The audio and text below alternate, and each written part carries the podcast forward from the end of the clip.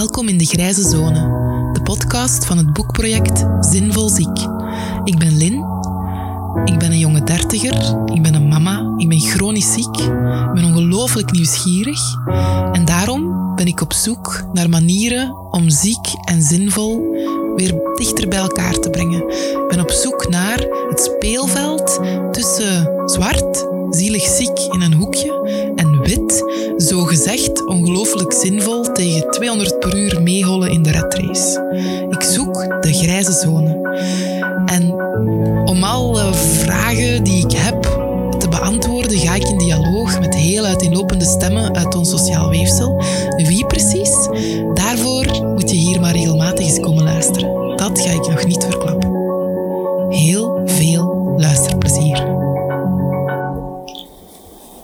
Vandaag mag ik Wouter Beke verwelkomen in de Grijze Zone. Hij is Vlaams minister van Welzijn, Volksgezondheid, Gezin en Armoedebestrijding. Dat is een hele boterham.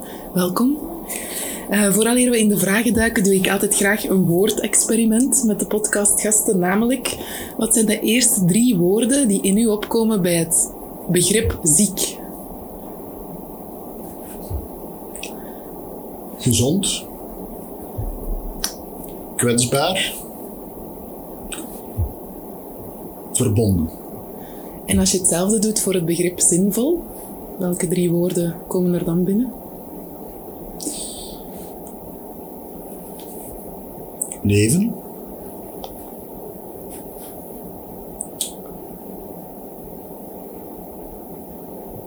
Omgeving.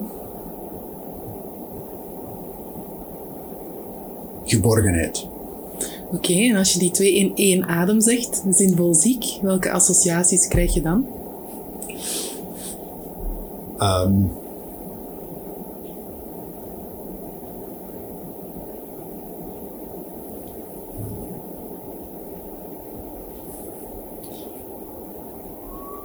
leven. Hmm, perspectief. Oké. Okay. Nog eentje? Um, of meer dan een woord. Mag ook gewoon zijn hoe dat, dat binnenkomt. Een zinvol zieke is iemand die.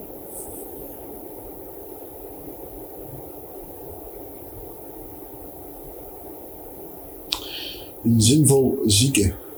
Mm -hmm. is iemand die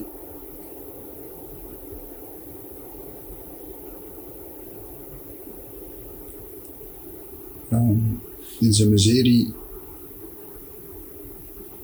toch zijn perspectieven zoekt.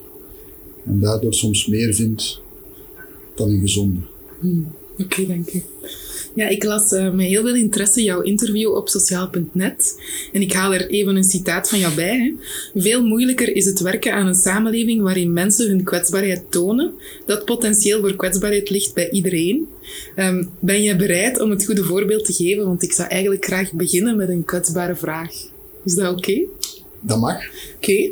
Okay. Um, op de nieuwjaarsreceptie van het Vlaams Patiëntenplatform heb jij gezegd: Ik heb zelf een chronische ziekte. Dus mm -hmm. ik, als uh, medemanke mens, ben nu wel heel nieuwsgierig welke ziekte jij hebt. Uh, ik heb de ziekte van Crohn. Ja, dat is best een grillige aandoening. Heeft dat dan geen impact op dagelijks functioneren? Dat heeft uh, potentieel daar een impact op. Dat betekent dat je heel zorgzaam um, met uw, uh, met uw lichaam, maar ook met uw ziel moet omgaan. Hmm. Want ook mentale factoren zoals stress spelen daar, uh, spelen daar wel een uh, rol bij. Mm-hmm. Um, maar ik heb dat ook wel een, een, plaats kunnen geven en een perspectief kunnen geven. Um, dat heeft me geleerd dat ik veel beter dan dat ik mij vroeger bewust was, moet luisteren naar mijn lichaam. Um, en dat heeft mij ook geleerd dat, uh, dat mensen uh, en dat ik zelf uh, ook een zekere kwetsbaarheid heb. Um, maar die vanuit die kwetsbaarheid ook wel een, kracht kan puren. -hmm. Ja, ik zat um, enkele weken geleden samen met jouw partijgenoot Nawal Fari uh, jonge volksvertegenwoordiger die zich ook engageert voor onder andere volksgezondheid. En uh, ik heb de volledige transcriptie als cadeautje voor u bij, maar ik heb uh, nu een, een citaat alvast van haar. En zij zegt... Um, de prestatiedruk is zo groot geworden dat je niet mag laten zien, oei, met mij gaat het eventjes niet goed. Mag ik er wel voor uitkomen dat ik een bepaalde ziekte heb? Ben ik dan niet te kwetsbaar? Ben ik dan niet het lelijke eentje in de groep? Um, en volgens Nawal moeten in het bijzonder beleidsmakers, CEO's en influencers een lans breken voor deze vorm van kwetsbaarheid. Um, hoe kijk jij daarnaar, naar die voorbeeldfunctie? Um,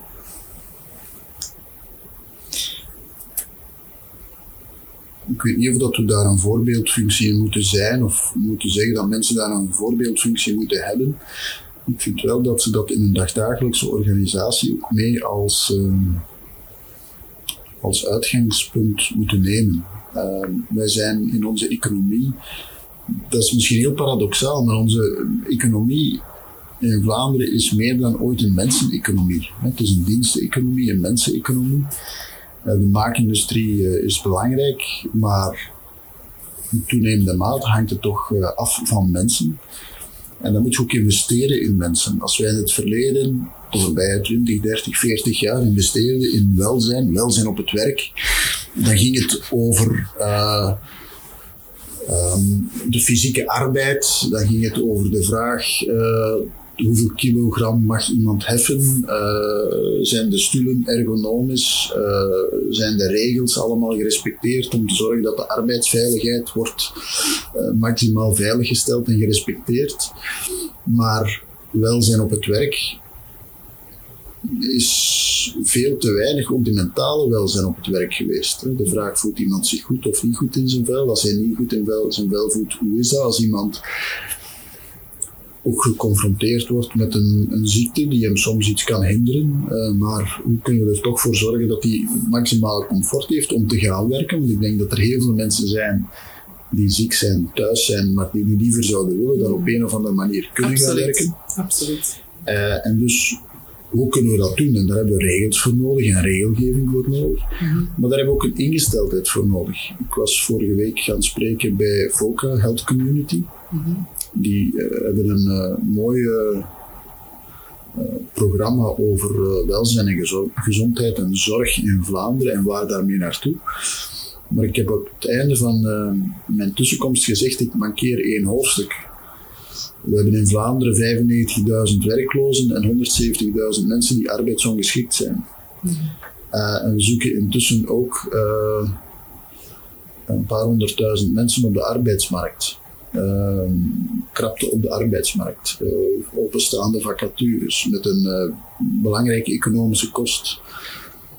En dus wie het heeft over gezondheid, welzijn vanuit een economisch perspectief, uh, die moeten het ook hebben over hoe kunnen we het bestaande economische kapitaal mm-hmm. uh, dat we hebben, arbeid, een belangrijke kapitaalsfactor is, hoe kunnen we dat zo goed mogelijk inzetten? Um, en hoe kunnen we er, en dat is een hele paradox die er dikwijls is, hè, uh, door in te zetten op mentaal welzijn, uh, zorgen we er ook voor dat de prestaties verbeteren. Mm-hmm. Als mensen zich uh, niet goed voelen, niet 100% oké okay voelen, dan heeft dat ook een effect op hun productiviteit. En dat klinkt soms heel soft voor, voor veel werkgevers, um, of voor veel mensen, ook voor veel collega's, werknemers. Mm-hmm. Uh, maar het is wel een, een, een harde wetmatigheid. Door ja. in te zetten op dat welzijn, verhogen we de creativiteit, verhogen we de activiteit en verhogen we de productiviteit. Oké. Okay. Ja, daar kom ik straks nog op terug. Um, je noemt jezelf de minister van de kwetsbare mens. Dus ik ben heel nieuwsgierig. Wie valt voor jou allemaal onder die noemer?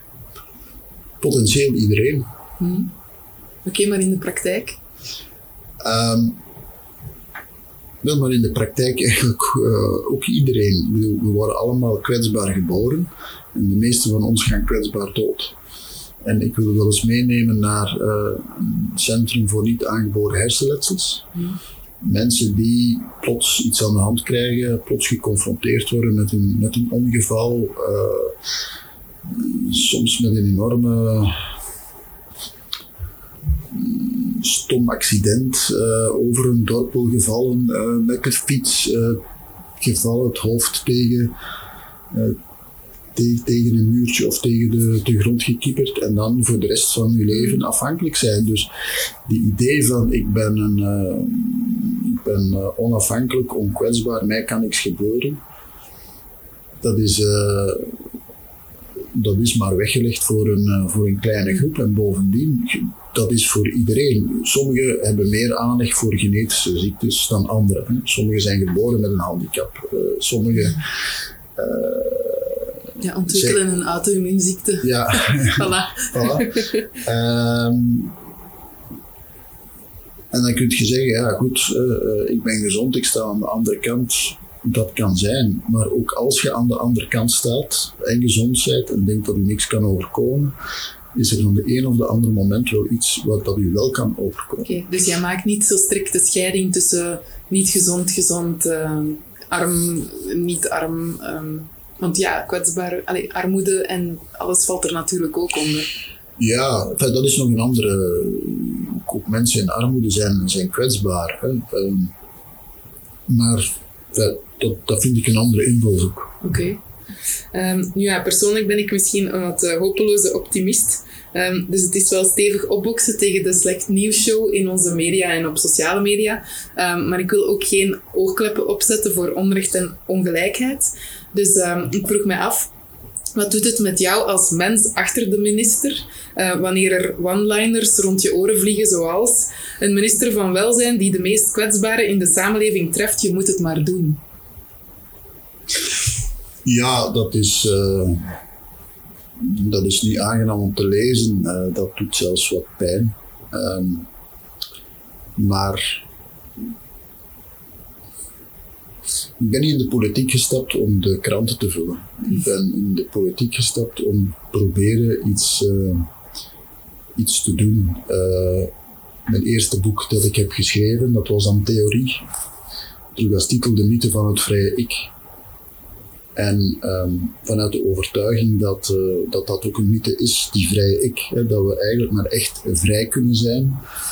Ook al zijn we ziek, ook al zijn we afhankelijk van anderen, maar uh, de vrijheid bekomen in relatie tot de ander. Die bekomen we niet door terug te plooien op onszelf. Nee. Uh, dat, dat is mijn. En dus is die relatie tot de ander ook zo ontzettend belangrijk. Dat is, dat is, dat is één uitgangspunt. Twee, um, ik heb uh, bijvoorbeeld voor mensen met een beperking een aantal maatregelen genomen, waardoor dat we 1700 mensen de komende jaren meer uh, gaan kunnen helpen en een persoonsvolgend budget gaan kunnen helpen. Meer dan dat we oorspronkelijk voorzien hadden. Mm. Dus als ik dat dan lees, dan weet ik dat het niet beantwoordt aan een realiteit. Um, maar de nieuwsberichten over die, wat is het, 735 mensen die dan ineens het met 3000 tot, wat is het, in extremis 14.000 euro minder moeten doen, dat blijft toch wel ook realiteit. Tegelijkertijd. Um, ja, niet helemaal. Uh, niet helemaal. Ten eerste, dat, dat, uh, dat zijn eigenlijk beslissingen die uh, niet ik genomen heb, maar in een vorige regering zijn genomen. Okay. Omdat men met de invoering van een persoonsvolgend budget gezegd heeft, als we dat gaan doen, mensen een persoonsvolgend budget geven, uh, mensen met een beperking, dan moeten we dat doen op basis van zorgzwaarte. Mm. Hoe meer zorg dat je nodig hebt, hoe hoger je budget moet zijn. Dat is logisch. Ja, logisch. Maar dat was in het verleden niet zo. Mm. En dus heeft men gezegd, we gaan die groep van mensen uh, inschalen in een bepaalde zorgzwaarte en daar gaan we een budget aan vasthangen. Oké. Uh, want dat betekent dat tegenover die 700 en zoveel mensen waar dat u over spreekt, dat er daar 8500 zijn die meer gaan krijgen. Want dat is geen besparing, dat is een neutrale operatie geweest. Van Van Deurzen dan? Ja, ja, maar die 8500 mensen, daar spreekt vandaag nee, niemand voilà. over. Okay. Maar dat is ook wel een realiteit. Die waren in het verleden onrechtvaardig behandeld, want die hadden een grote zorgzwaarte en kregen vanuit de overheid niet de nodige ondersteuning die dat ze eigenlijk wel verdienen. Oké. Uh, de maatregel die ik wel genomen heb, is om uh, te kijken van die categorie uh, waar dat u over spreekt, hoe kunnen we die mensen op een andere manier helpen, hè, flankerende maatregelen. En het is dat dat ik heb voorgesteld aan, in de regering, om te kijken hoe kunnen we daar toch op een of andere manier dan ondersteuning aan geven voor zij die het echt nodig hebben. Oké. Um, nu ja, als burger is het uh, pure chaos hè, om tussen alle nieuwsberichten en verhitte debatten om de feiten nog te zien. En um, ja, laat staan dat er ook enige transparantie is in de beleidsvoering. Dus ik, ja, voor mijn boekonderzoek, ik, ik um, kan je heel rechtuit zijn over de uitdagingen die op je bord liggen. Wat zijn de grootste dingen die nu moeten worden aangepakt? Ja, er zijn een paar uitdagingen, uh, maar ik zal me beperken tot twee. Uh, ik denk dat de eerste uitdaging is dat de veroudering van de bevolking uh, maakt ook dat we veel meer geconfronteerd gaan worden met chronische ziekten. Um, en dus veel, van, en veel van die chronische ziekten zijn ofwel te voorkomen ofwel in goede banen te leiden. Maar dat moet je daar wel je u van bewust zijn, u op organiseren. Hè, dat betekent een stuk preventie, levensstijl. Um, maar ook uh, in de benadering van hoe kijken we dan naar zorg. Uh, dat was in het verleden uh, toch veel te binair. Hè. We waren ziek, we gingen naar de huisdokter, naar het ziekenhuis en terug naar huis. Ja, we moeten proberen die periode in een ziekenhuis zo weinig, allez, zoveel mogelijk te beperken. En in de periode daarvoor de mensen proberen zoveel mogelijk te helpen. En ook in de periode nadien. Eh, ambulant. Vroeger gingen we heel onze alle dag in een rusthuis. Hè. Vandaag zien dat een zorgcentra waarin dat we die periode eigenlijk proberen zo kort mogelijk te houden, omdat de mensen en de mensen zo lang mogelijk thuis te ondersteunen waar dat we kunnen. En als het niet meer gaat, of als ze zelf echt niet meer willen, dan brengen we die naar daar. Um, dat betekent dus dat we ons eh, landschap om uh, zorg en welzijn aan mensen te geven, moeten gaan herorganiseren. Ja, daar heb ik straks nog een ja. specifieke vraag over. Het tweede is, ja. uh, denk ik, dat het mentale welbevinden, de geestelijke gezondheid, een tweede belangrijke uitdaging is waar we voor staan. En dat heeft met vele factoren te maken, niet in het minst over afbrokkelende relaties. Mm. Um, met uh, impact op uh, kinderen, op partners uh, en zo verder enzovoort. Um, dat heeft te maken met een samenleving ja, die toch een stukje meer terugplooit op zichzelf, individualistischer wordt. Mm. Um, waarbij dat spontane netwerken afbrokkelen. En, en waarbij dat, uh, dus die spontane netwerken die brokkelen wel af, die relaties brokkelen wel af, maar de behoefte van de mens om een sociaal wezen te zijn brokkelt niet af. De mens is en blijft bij uitstek een sociaal wezen. En dus die behoefte blijft ook. En als je ziet dat het ene afbrokkelt en dat er niks anders voor in de plaats komt, dan is er een soort leegte waarin mensen steeds meer mee geconfronteerd worden. Uh, en dat is denk ik uh, ook wel een, uh, een, grote uitdaging waar we voor staan. Oké. Nu ja, als chronisch zieke zelf hè, voel ik mij um, bijna begrensder door het beleid dan door mijn grillige aandoening. En ik ben niet alleen. Um, ik heb gisteren een uur samengezeten met een 19-jarige UNIF-student die lupus heeft. Hè. Dat is um, een heftige systeemziekte die ook onder de reumatische aandoeningen valt. En die zei mij Um, dat ze plots recht bleek te hebben op, een op ondersteunende middelen voor op kot. En ik denk dan, ah, klinkt mooi. Maar in de plaats daarvan moet ze nu plots altijd een aanwezigheidslijst tekenen in de les. Dus nu wordt die op het matje geroepen als die als chronisch zieke de les niet haalt. Dus dat voelt zo'n beetje voor wat hoort wat. En ik vraag mij af of dat dan echt de basis is van onze sociale zekerheid, want dat voelt niet zo solidair. Ja, daar kan ik zo niet over oordelen. nee, maar ja, dat principe zit er toch wel vaak in. Hè? Dat je gecontroleerd wordt voor alles goedkeuring moet vragen. Bijvoorbeeld vrijwilligerswerk als, als invalide. Mag ik dat alsjeblieft doen? Um, allee, noem maar op, ik ben hmm. uitgenodigd voor, voor, een, voor, om in een raad van bestuur te komen zetelen. Uh, ik mag dat alleen maar doen als ik daar niet voor vergoed word. Allemaal zo van die dingen dat ik denk, ah, man, allee, snap ik niet goed. Hmm. Dus hoe is jouw visie daarop? Waarom, waarom worden mensen die al begrensd worden door hun gezondheid, of dat dan nu mentaal of fysiek is, waarom moeten die ook nog eens zo begrensd worden door beleid? Ja, maar ik denk dat we naar een ander uh, model moeten gaan. Hè. We komen uit een model waarbij dat het uh, veel te veel of was, of was, uh, ofwel was je gezond en kon je werken, ofwel was je ziek, uit je uitkering en bleef je thuis. Um, terwijl dat we veel meer naar een um, en-en-model moeten gaan, waarbij dat werken, maar misschien niet aan 40 uur per week, niet aan 5 dagen per week het model is hè, en waarbij dat de combinatie tussen uh, een uitkering en een loon, waar we al stappen toegezet hebben. Ja. Hè. Maar uh, ik denk dat dat, um, dat, dat het model is uh, ook van de toekomst. Hè. We, mm. zijn, we hebben op zich niet de hoogste werkgelegenheidsgraad in Vlaanderen. Um, alhoewel we het met 73% niet slecht doen. Ja. Maar als we dat bekijken naar fulltime uh, equivalenten uh, tussen de 25 en de 45 jaar, ja, daar zitten we wel bij de hoogste. Hmm. Uh, maar ja, mensen vallen steeds meer uit, dus het is toch teken maar dus de groep daarvoor en de groep daarna, daar doen we het een stuk minder goed. En dat is omdat we van een, uh, van een groep tussen 25 en 45 te veel verwachten. Mm -hmm. uh, terwijl dat als we dat, en ook alles verwachten, hè,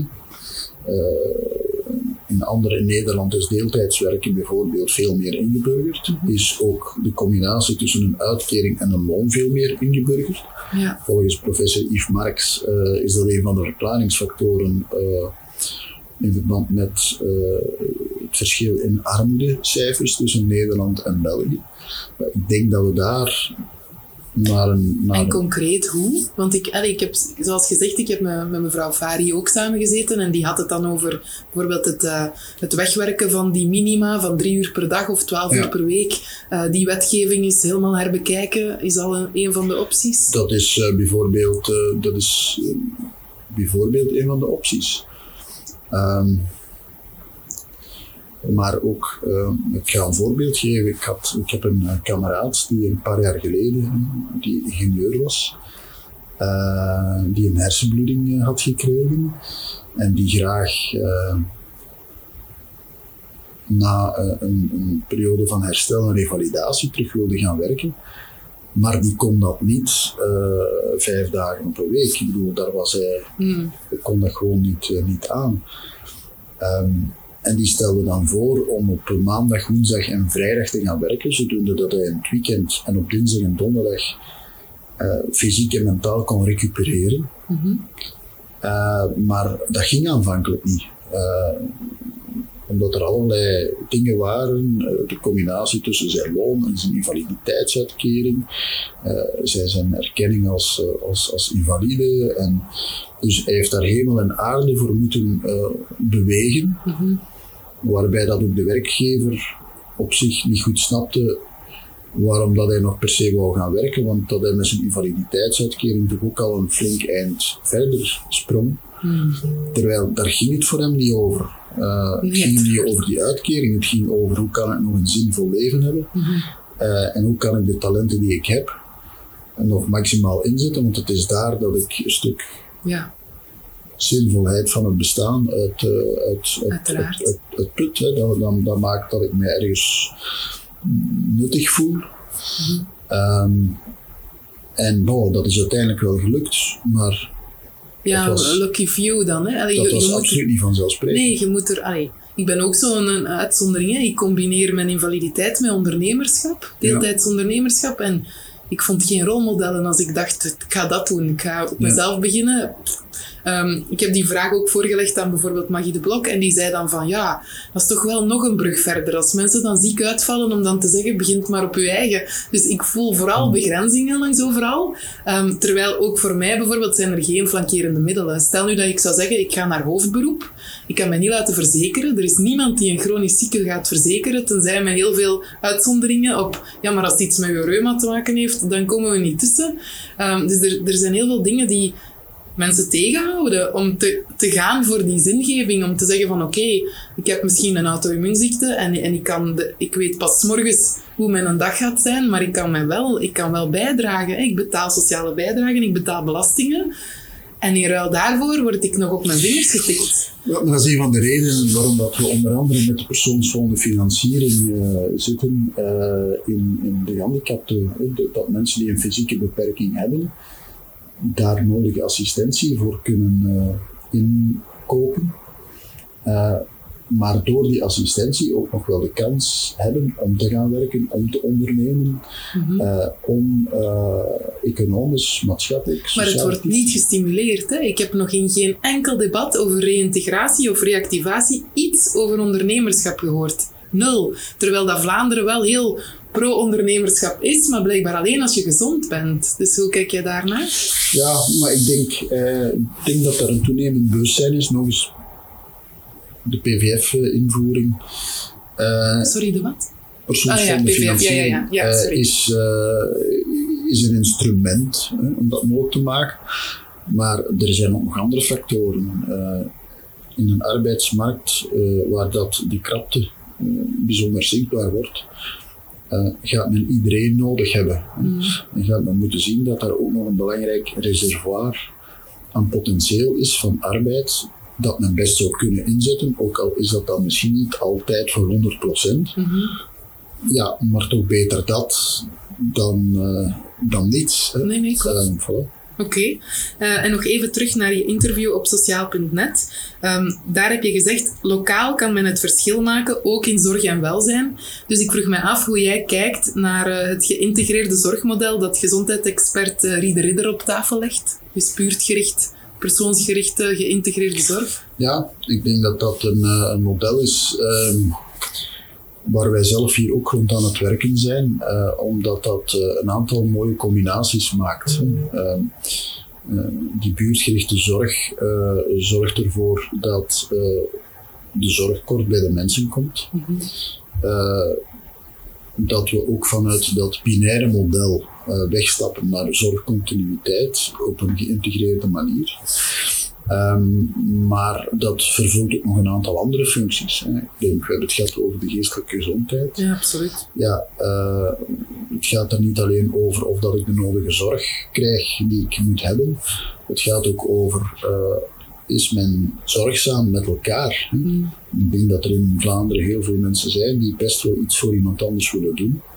Die die zorgzaamheid en die solidariteit echt wel hoog in het vaandel dragen. Maar die dat niet in het anonieme willen doen. Hè, die dat willen doen voor een concrete actie, een concreet doel, of voor mensen die kort bij hen staan, bij hen in de straat, bij hen in de wijk. Mm -hmm.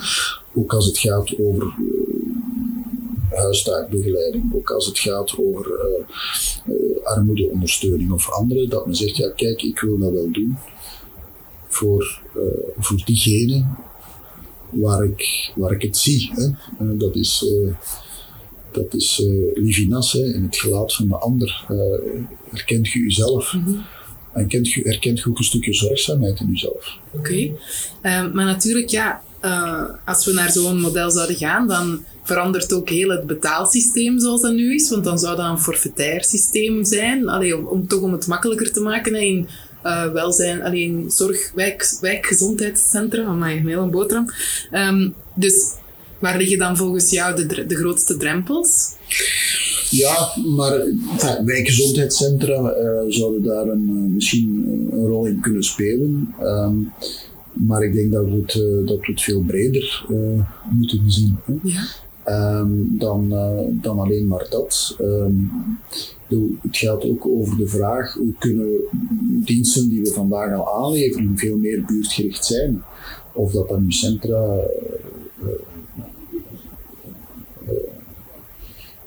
centra voor gehandicapten is, of dienstencentra, of sociale economie-projecten. Um, waarbij dat een zorgcomponent in de strikte zin van het woord een deel of een onderdeel kan zijn, maar wat eigenlijk veel breder gaat dan dat. Hè. Het gaat misschien nog veel meer over welzijn dan over zorg, waarbij dat zorg een component kan zijn. Mhm. Maar misschien toch eerst en vooral het, het, het, welzijn aan de orde moet zijn. Ik had niet zo lang geleden hier mensen uh, die uh, actief waren in, een, in een vereniging voor hart- en vaatziekten. en die zeiden, ja, eigenlijk onze ambitie zou moeten zijn om in elke straat in Vlaanderen actief te zijn. Uh, al was het maar op het preventieve vlak, maar ook op het curatieve vlak, namelijk mensen moeten bewegen. Mm. Uh, en ja, het is belangrijk dat wij onze stem kunnen laten horen in de nationale raden, om te zeggen wat er moet gebeuren, terugbetaling en wat weet ik allemaal. Maar het is nog honderd keer belangrijker dat we in elke straat zijn om te zeggen, bewegen is gezond. Ja, ja, het, ik, ben, ik ben helemaal pro-preventie. Eh, zowel beweging als gezonde voeding, als, als zelfontwikkeling en alles wat erbij komt kijken. Maar natuurlijk, dat voelt um, voor mensen die ziektes hebben zoals ik, waar je niks aan kan doen, die in eerste instantie niets te maken hebben met je levensstijl, soms ook wel een beetje beschuldigend. Als er dan vanuit beleid wordt gezegd, maar we gaan inzetten op eet maar wat gezonder en beweeg maar wat meer, dan denk ik, ja dat is niet altijd bepalend voor wat u treft in uw gezondheid. Dus er moeten toch nog andere. Um, ja, er moet toch soms een, nog een bredere kijk zijn dan alleen maar dat soort van ja, preventie. Maar het, het, is niet alles bepalend. Um, het is niet alles bepalend voor iedereen, maar het is ook wel mede bepalend voor mm. velen. Ja. Uh, en het is vooral uh, ook voor een grote groep van mensen is het wel voorkomen is beter dan genezen. En als we dat kunnen doen, dan kunnen we de middelen die we daarmee uitsparen, uitsparen beter inzetten voor degenen die echt de zorg nodig hebben. Oké. En hoe, um, nog het laatste thema dat ik wil aansnijden, um, hoe kijk jij naar ervaringsdeskundigheid?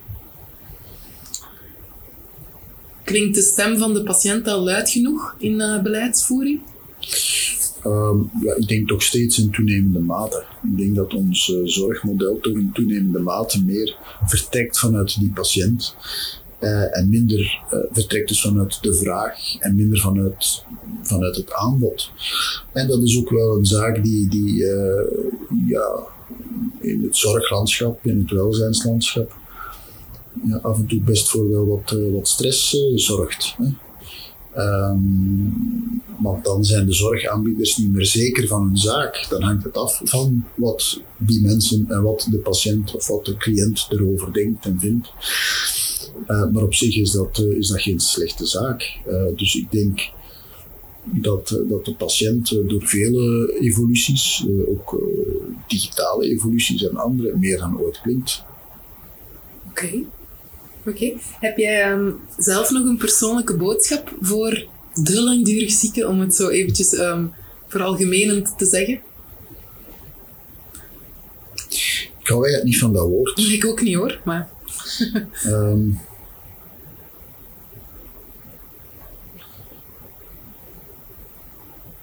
In mijn boek gebruik ik het woord manke mensen.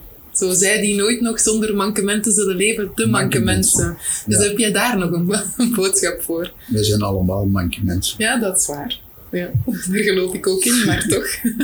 Oké, dan een persoonlijke boodschap voor iedereen dan. um, wij zijn uh, allemaal uh, manke mensen en alleen diegenen die het beseffen kunnen op een veel zinvollere manier een invulling geven aan hun leven. Dank u wel voor uw tijd. Alsjeblieft.